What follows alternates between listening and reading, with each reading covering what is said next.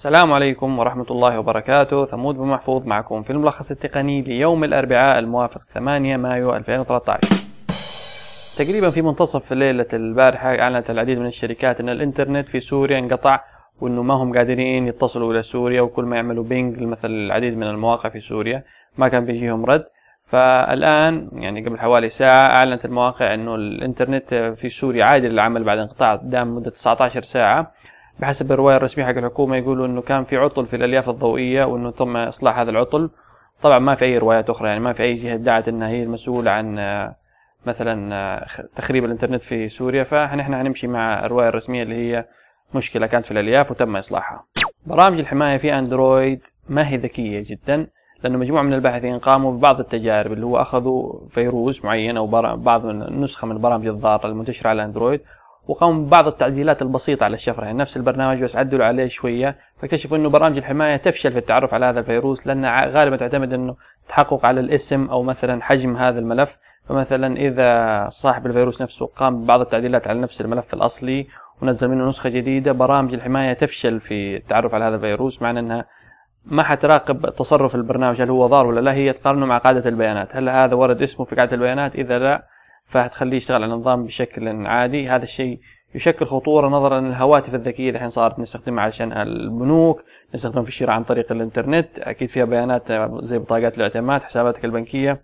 فنأمل إنه من الشركات مثلا مصنع أنظمة الهواتف الذكية زي جوجل مع أندرويد وآبل.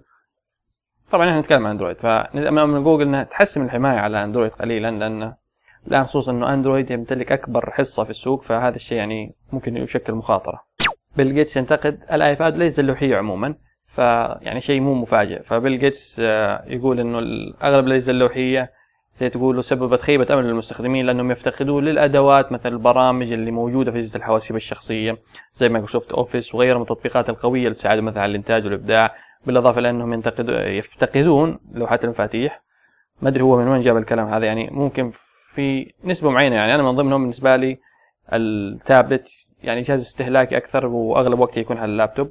بس أغلب المستخدمين يعني ما عندهم مشكلة يشتغلوا على على على ال tabletات بشكل طبيعي. طبعا هو كله محاولة يروج لأجهزة سيرفس يقول إن أجهزة سيرفس تقدم لك الخليط ما بين ال tablet وال laptop عارفين هذا الشيء ف يعني بيل جيتس بلاش نصب. خبر سريع متعلق بسوني إنها حتبدأ في تصنيع البلاي ستيشن 3 في البرازيل.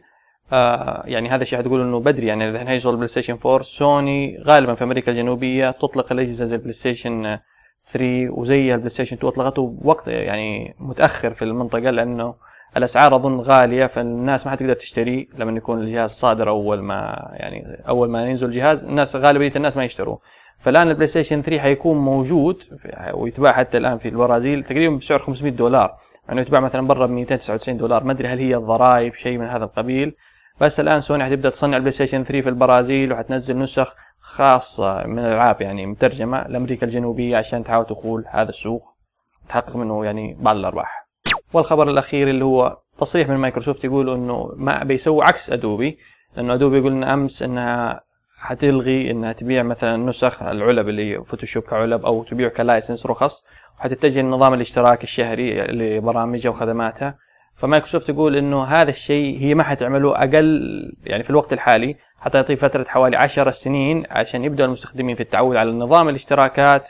وبعدها ممكن مايكروسوفت تتخلى عن حكاية إنك تبيع لهم رخص زي ما هي تبيع بشكل حالي وتكون تبيع ويندوز بنظام الاشتراكات. بس مايكروسوفت تقول إن السلوك يعني هذا السلوك بالنسبة للمستخدمين ما حيتغير إلا خلال عشر سنين. فبعد عشر سنين يعني مايكروسوفت حتبيع لك ويندوز بنظام الاشتراك.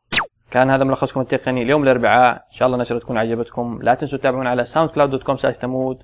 ممكن تتابعونا على تويتر ثمود. زورونا على تيدوس dot com تشوفوا بعض الأخبار أحدث الأخبار مقالات تقنية وممكن أخبار ألعاب. ولا تنسوا تشاركوا على المواقع الاجتماعية تويتر فيسبوك جوجل بلس. ممكن. شاكر لكم استماعكم. والسلام عليكم ورحمة الله.